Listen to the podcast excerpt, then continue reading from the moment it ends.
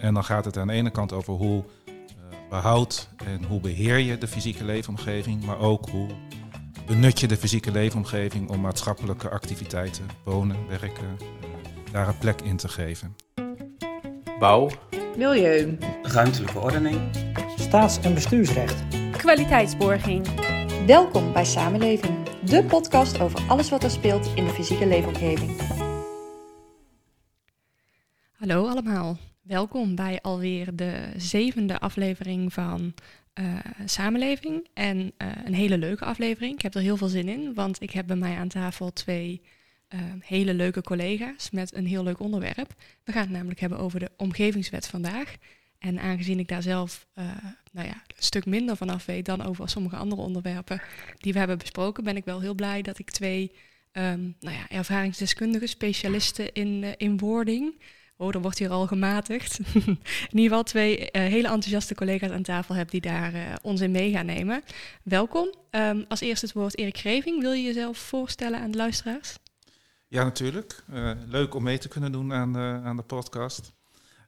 ik ben Erik Greving. Ik ben adviseur ruimtelijke ordening bij, bij Interconcept. En dat houdt in dat ik nu zo'n 20 jaar bezig ben in het, op het vakgebied van ruimtelijke ordening en omgevingsrecht. En ik gaf net al tegen Anouk aan, ik heb ook de invoering van de WABO en de WRO mogen meemaken. En als professional is er toch niks mooiers als je vakgebied verandert en je daar ook onderdeel van mag zijn. Dus volgens mij gaan we een hele mooie tijd tegemoet met elkaar. Nou, leuk. En vooral ook leuk omdat je natuurlijk ook de andere veranderingen hebt gezien. Dus daarmee ook misschien wel een soort uh, balans op kunt maken van hoe was het toen, hoe gaat het nu, wat is er veranderd en wat misschien ook wel helemaal nog niet. In ieder geval in, uh, in het gedrag van de mensen. Ja. Um, aan de andere kant aan tafel, Anouk, uh, welkom. Dankjewel. Stel jezelf maar even voor. Ja, uh, ik ben Anouk van Ginkel. Uh, ik ben sinds ongeveer een jaar werkzaam bij uh, Intconcept als case manager WABO op dit moment. Ik heb een juridische achtergrond, dus ik heb rechten gestudeerd, specialisatie omgevingsrecht. En ja, in tegenstelling tot Erik kom ik eigenlijk pas net kijken op de, op de arbeidsmarkt. ik heb in mijn studie beide geleerd en ook al dus zowel het oude met de WABO als nu met de omgevingswet. En ehm, ja, van de omgevingswet weet ik dus vooral veel de theorie nog vanuit mijn, mijn opleiding. Uh, heb ik daar best wel veel van meegekregen. En vind het leuk om daar nu uh, ja, in de ontwikkelingen bij Interconcept daar onderdeel uh, van te zijn. Ja, want het is natuurlijk wel heel leuk dat je eigenlijk iemand hebt die met name vanuit de theoretische kant de omgevingswet bekijkt. En Erik misschien wel wat meer ook vanuit hè, de, de praktische kant en de ervaring die al jaren in het vakgebied zit. Um, het is natuurlijk een hele grote verandering die eraan komt, de omgevingswet. Um, de een zegt het, hè, het, is echt, er gaat heel veel veranderen. Een andere gemeente zal zeggen, nou, er gaat niet zo heel veel veranderen, maar um, voor ons als gemeente, want we doen het al op een bepaalde manier. Dus ik denk dat het leuk is om het daar eens over te hebben. nou ja, wat gaat het voor ons inhouden als, hè, als vakgebied zijnde? wat gaat er dan veranderen en uh, wanneer gaat het veranderen? Want we hebben het natuurlijk nog steeds over de vermoedelijke invoerdatum van 1 juli 2022, zoals het er nu uitziet. Ja, klopt. Maar het zal, nou ja, hij is ook al een paar keer verzet. Dus wie weet uh, hoe uh, ontzettend uh, nou ja, up-to-date deze podcast wel zal zijn volgend, voor volgend jaar. Dus misschien komt er ook nog ooit een vervolg. Maar als we het gaan beginnen naar, naar de basis, zeg maar, de omgevingswet. En jullie zouden dat in het kort zeg maar, moeten, moeten uitleggen voor de mensen die dan misschien nog niet helemaal een beeld bij hebben. Wat is dan met name hetgeen wat de omgevingswet met zich meebrengt? Uiteindelijk gaat de omgevingswet heel kort gezegd over de fysieke leefomgeving. De, de, kern, de fysieke leefomgeving, is ook het belangrijkste woord eigenlijk in die hele, uh, hele omgevingswet. Uh, en dan gaat het aan de ene kant over hoe behoud en hoe beheer je de fysieke leefomgeving, maar ook hoe benut je de fysieke leefomgeving om maatschappelijke activiteiten, wonen, werken, daar een plek in te geven. In één wet vier uh, ANVB's en, uh, en volgens mij één ministeriële regeling. Maar in ieder geval, alles wordt samengevoegd. En daarmee is het de bedoeling dat het uh, sneller gaat, meer maatwerk, um, dat, er meer, dat er veel meer decentraal geregeld wordt, dat de gemeente veel meer verantwoordelijk wordt. en dat proberen ze met die wet, wet vorm te geven. Dus het gaat vooral over de inrichting van de fysieke leefomgeving. Ja, precies. En als je dan gaat kijken vanuit jouw theoretische kant, zeg maar, wat je ook in de opleiding hebt gehad en ook, um, wat denk je dan dat met name het allergrootste verschil is, zeg maar, in de basis van wat er nu is en wat de omgevingswet gaat brengen? Uh, ja, er zijn natuurlijk best veel verschillen, denk ik. Maar echt wel een groot verschil denk ik dat het allemaal, ja, Erik noemde het al wel, maar integraal opgepakt gaat worden, zeg maar. Dus dat, ehm, ja, nu heb je bijvoorbeeld in de wet ruimtelijke ordening heb je het over eh, goede ruimtelijke ordening, maar dat is eigenlijk alleen maar, ja, of alleen maar, maar het, hoe verhoudt zich het een tot het ander, zeg maar, in, in, in het bestemmingsplan bijvoorbeeld. En straks in de omgevingswet heb je er nog veel meer dingen bij zitten. Zit milieu er ook al bij je in. En natuurwetgeving, dat wordt allemaal veel meer geïntegreerd, zeg maar. Dus, En ik als leek stel dan de vraag, wordt Ja. het daar makkelijker van? mm, ja, ze zeggen van wel. Maar er zijn ook wel weer mensen die kritisch zijn en zeggen, ja, ehm, voor de mensen die al lang in het vakgebied zitten, zeg maar, wordt het juist heel onoverzichtelijk, omdat ze allemaal eh, met een, een klein stukje eigenlijk van die wetten te maken hebben. Bijvoorbeeld een, eh een bouwplantoetser is vooral bezig met bouwbesluit of eventueel met de WABO. En eh, een milieudeskundige weer met de wet Milieubeheer en het activiteitenbesluit. En die hebben dan maar zijdelings met andere wetgeving te maken. En straks wordt dat allemaal samengevoegd, zeg maar. Dus moeten ze eigenlijk veel meer zoeken. Of tenminste, dat is de kritiek die je soms wel eens hoort. Voor mensen die in het vakgebied zitten. Maar aan de andere kant biedt het denk ik ook wel weer kansen om ja, sneller dingen op te pakken, inderdaad. En een meer integrale afweging te maken. En ja, de ruimte in Nederland is best beperkt. Eh, dus om daar een goede afweging over te maken, hoe gaan we daarmee om? En hoe doen we dat met alle partijen goed samen?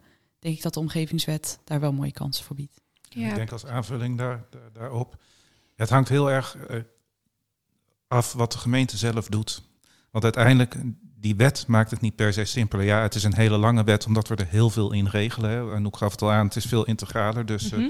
eh, a- als, als je de wet eens doorleest, eh, dat raad ik trouwens niet iedereen aan om de hele wet te gaan lezen. Maar eh, eh, dat is best een complexe wet. Uiteindelijk is het natuurlijk ook de bedoeling dat het voor de inwoners van, eh, van Nederland makkelijker wordt. Hè, dat het voor hun makkelijker wordt om, eh, om de fysieke leefomgeving, om daar iets in te doen. Eh, en gemeentes kunnen dat zelf kiezen. En natuurlijk kun je als gemeente zeggen van weet je, ik hou alles bij het oude. Ik maak straks een omgevingsplan en ik regel alles dicht. Ik vraag overal vergunningen voor.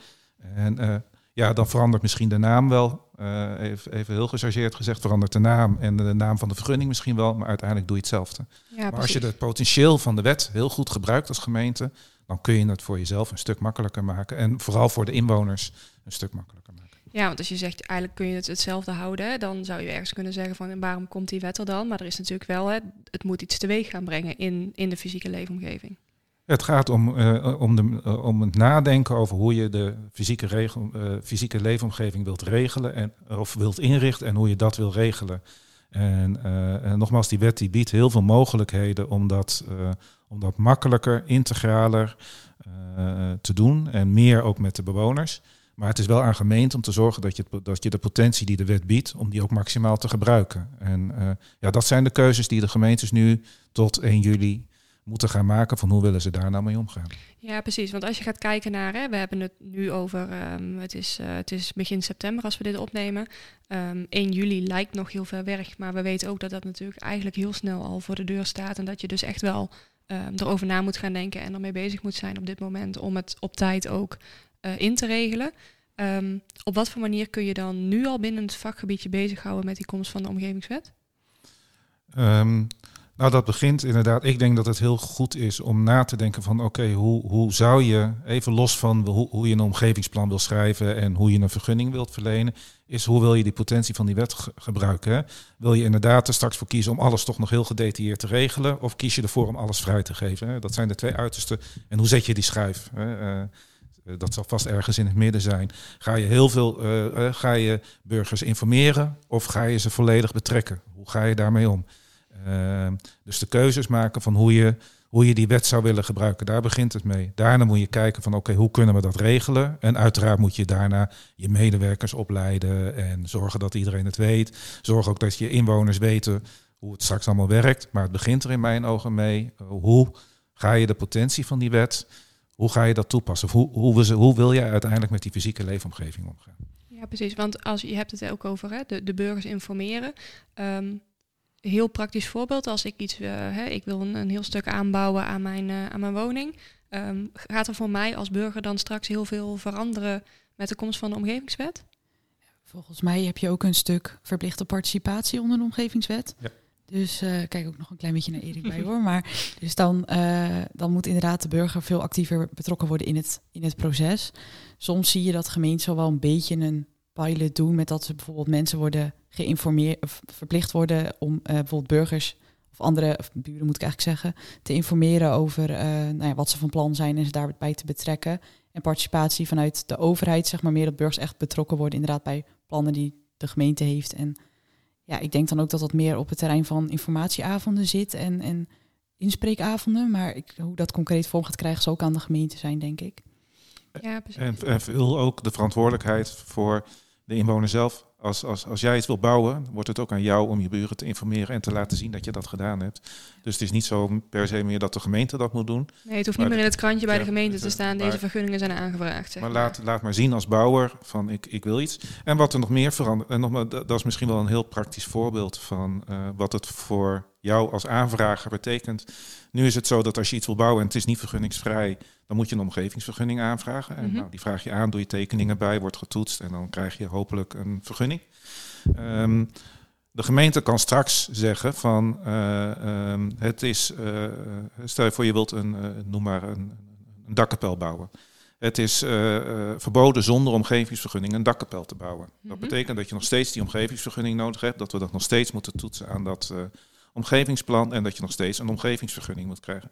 De gemeente zou ook kunnen zeggen, het is verboden uh, om een dakkapel uh, uh, boven 1 meter van, van je dakgoot te bouwen.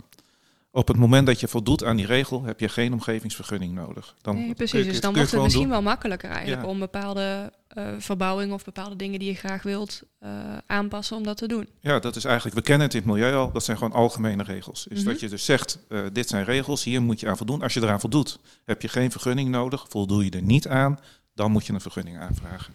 Ah, maar is het dan ook zo dat je wat meer... Um, Je krijgt algemene regels, dus er wordt ook meer vergunningsvrij straks. Dus die verwachting daar in combinatie met de omgevingswet? Ja, dat is, dat is ik, denk zelf, als je de potentie van de wet gebruikt, is inderdaad meer met algemene regels werken. En dat houdt in dat mensen die gewoon iets willen bouwen, en dat is vaak zo, die blijven binnen die algemene regels. Die hebben dan geen omgevingsvergunning meer nodig als het gaat om de omgevingsplanactiviteit. Ja, het kan nog steeds zo zijn dat je misschien technisch uh, een, een, een, omgevingsvergunning nodig hebt. Hoewel daar ook veel meer vergunningsvrij gaat worden dan nu het geval is. Dus uiteindelijk is het wel de bedoeling dat we een stuk minder vergunningen nodig hebben. Maar ook daarin weer, het is wel heel erg afhankelijk van de keuzes die de gemeente zelf maakt, hoe ze daarmee om willen gaan. Ja, precies. Maar als je nu gaat kijken naar, hè, we hebben het nu over uh, hè, zoals het zou moeten gaan of zou kunnen gaan, omdat het natuurlijk heel erg um, afhankelijk is van hoe de gemeente ermee omgaat. Als we nu echt naar jullie kijken vanuit jullie, um, nou ja, jullie blik op het vakgebied, wat zou je dan graag zien veranderen de aankomende jaren?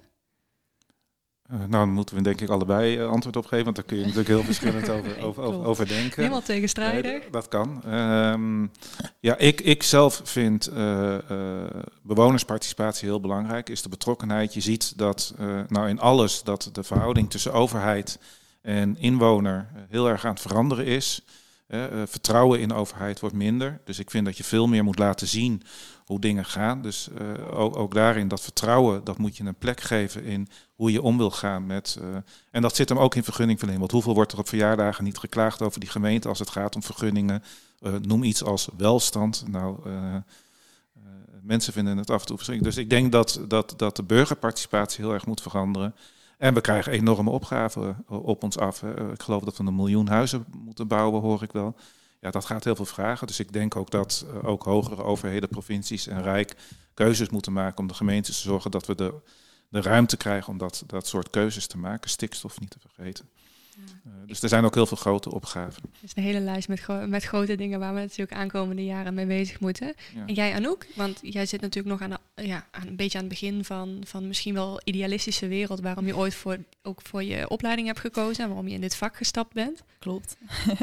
uh, ja, als aanvulling ook bijvoorbeeld op wat Erik net zegt, dat, um, dat inderdaad voor grote opgaven staan. De omgevingswet is een wet waar je in principe Zoals nu is het heel erg uh, onder het oude systeem zo dat nou ja, er komt een plan binnen en ja, de gemeente of de overheid, bijvoorbeeld de gemeente, toetst daaraan en constateert, nou, het mag wel of het mag niet, zeg maar. Als het volgens de regels niet mag, doen we het niet. En dat systeem moet wat meer open worden. Dus eigenlijk niet zozeer dat je echt een soort, ja, dat noemen ze dan toelatingsplanologie hebt. Dus dat je gewoon kijkt van oké, dit mag, dit mag niet. Maar ehm, dat je eigenlijk veel meer een, soort uitnodiging, ja, zo noemen ze dat dan, planologie hebt. Waarin dingen niet meteen niet kunnen, zeg maar, maar waarin een soort samenspel tussen projectontwikkelaars en overheden. Misschien is het idealistisch, maar dat is wel een beetje de achterliggende gedachte. eh, dat, ze, dat, dat dat samen meer een soort samenspel wordt van hoe kunnen we inderdaad wat grotere ontwikkelingen mogelijk maken. Dus daarin eh, zou de omgevingswet zeker eh, kansen bieden. En dat betekent ook iets voor de medewerkers. Want dat houdt dus inderdaad iedereen die daarmee werkt. Misschien ben je straks wel een toetser en straks moet je kijken hoe je iets kunt faciliteren. Ja. Dus je, Ja. je, je rol als eh, case manager, als planoloog, als eh, bouwplantoetser eh, wordt ook anders. Ja, en daarmee vraagt het eigenlijk ook dat je veel meer de verbinding legt met, ehm, hè, wat jij net al zei, veel minder eilandjes eh, hè, waarin iedereen opereert. Dus dat we veel meer de verbindingen gaan maken om nou ja, die eilandjes dan niet wel met bruggen, maar als het even kan, zelfs op de deur met wegen met elkaar te gaan verbinden, zodat we, ehm, ja, zodat we ook echt iets kunnen betekenen voor die fysieke leefomgeving natuurlijk. Ja, dat klopt. En als je dan nu gaat kijken ehm, naar hoe het nu is, nou, er komt dus best wel een grote verandering aan.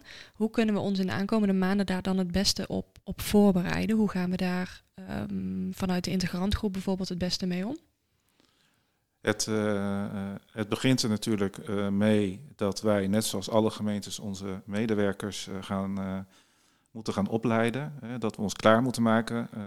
De omgevingswet, ik had het er met Anouk eh hiervoor al even over, gaat iedereen in die werkt in de fysieke leefomgeving, dus ook iedereen binnen de integrantgroep raken. We gaan er allemaal mee te maken krijgen. Het is de grootste verandering in de fysieke leefomgeving, in de wetgeving daarom, daaromheen, sinds de invoering van überhaupt wetgeving eh, op dit gebied. Eh, dat is dat. En uiteindelijk moeten we ook richting, onze, eh, eh, richting de gemeentes helpen om die verandering eh, klaar te maken. Dat is eh, helpen bij de systemen, want dat betekent straks ook iets digitaal. Eh, dat helpt met het opleiden van mensen. Eh, want uiteindelijk moeten we op 1 juli, als die wet dan in werking treedt, daar allemaal klaar voor zijn. En is er nog een soort overgangsperiode vanaf 1 juli? Ja, eh, ehm, eh, de wet treedt uiteraard wel in werking. Dus je moet straks wel gewoon een omgevingsvergunning onder de nieuwe, nieuwe wet verlenen. Je moet straks wel een omgevingsplan hebben. Maar het is niet zo dat gemeentes nu in de komende negen maanden allemaal omgevingsplannen moeten gaan maken. Dat kan, dat mag. Maar op het moment dat je dat niet hebt, dan worden alle huidige regelingen, dus je bestemmingsplan, maar ook bijvoorbeeld verordeningen waarin regels staan over de fysieke leefomgeving. Eh, In je algemene plaatselijke verordening staat iets over terrassen. Nou, dat heeft ook te maken met de fysieke leefomgeving. Dat wordt automatisch onder een soort overgangsrecht een omgevingsplan. Dus doe je niks, dan wordt er eigenlijk gewoon je huidige regelingen, niet je erop. Ja, eh, en, wordt eh, één. wordt één. En dan krijg je, en ik doe het even uit mijn hoofd, negen jaar de tijd om die omslag te maken, om daadwerkelijk een omgevingsplan te maken. eh, eh, zoals het bedoeld is onder de nieuwe wet. Dus Ja. de gemeentes hebben wel eh, jaren de tijd om, om die slag te maken. Maar de instrumenten in de wet en de gedachte achter de wet, Die gaat wel gewoon die in gaat- die en gaat op daar 1 juli, gaan we dan ja. volgens handelen. Maar dan is het dus eigenlijk ook, hè, los van dat je dus best wel een periode hebt om het, nou, misschien moet je het fine-tunen noemen hè, van, van je omgevingsplan, is het advies wel echt om er nu gewoon zo snel mogelijk mee eh, aan de slag te gaan. Je hebt ook nu, eh, vaak hebben gemeentes tientallen bestemmingsplannen. Straks wordt het één omgevingsplan. Dus al die vlekplannetjes samen wordt ook één nieuw omgevingsplan. Dus er moet inderdaad wel wat gebeuren.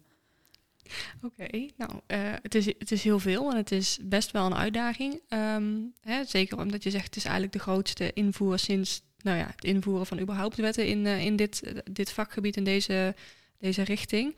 Ehm, hoe zien we dan de toekomst van het vakgebied? We hebben het net al gehad over een soort ideaalsituatie. Hoe eh, kijken we naar nou ja, hè, de toekomst, de aankomende vijf jaar, maar misschien ook al wel iets verder weg, na tien jaar? Wat, wat verwacht je? Nou, ik verwacht inderdaad dat de rol wel verandert. Hè. Dat is waar we het net over hadden. Dus een, inderdaad een rol van veel meer meedenken met ontwikkelingen in de fysieke leefomgeving. Dus die rol verandert. Even los van natuurlijk dat gewoon de instrumenten waarmee we werken veranderen. Eh, de verhouding inderdaad tussen overheid en, eh, eh, en, inwoner verandert. Hè. Dat zien we ook met de wet kwaliteitsborging die er, die er aankomt.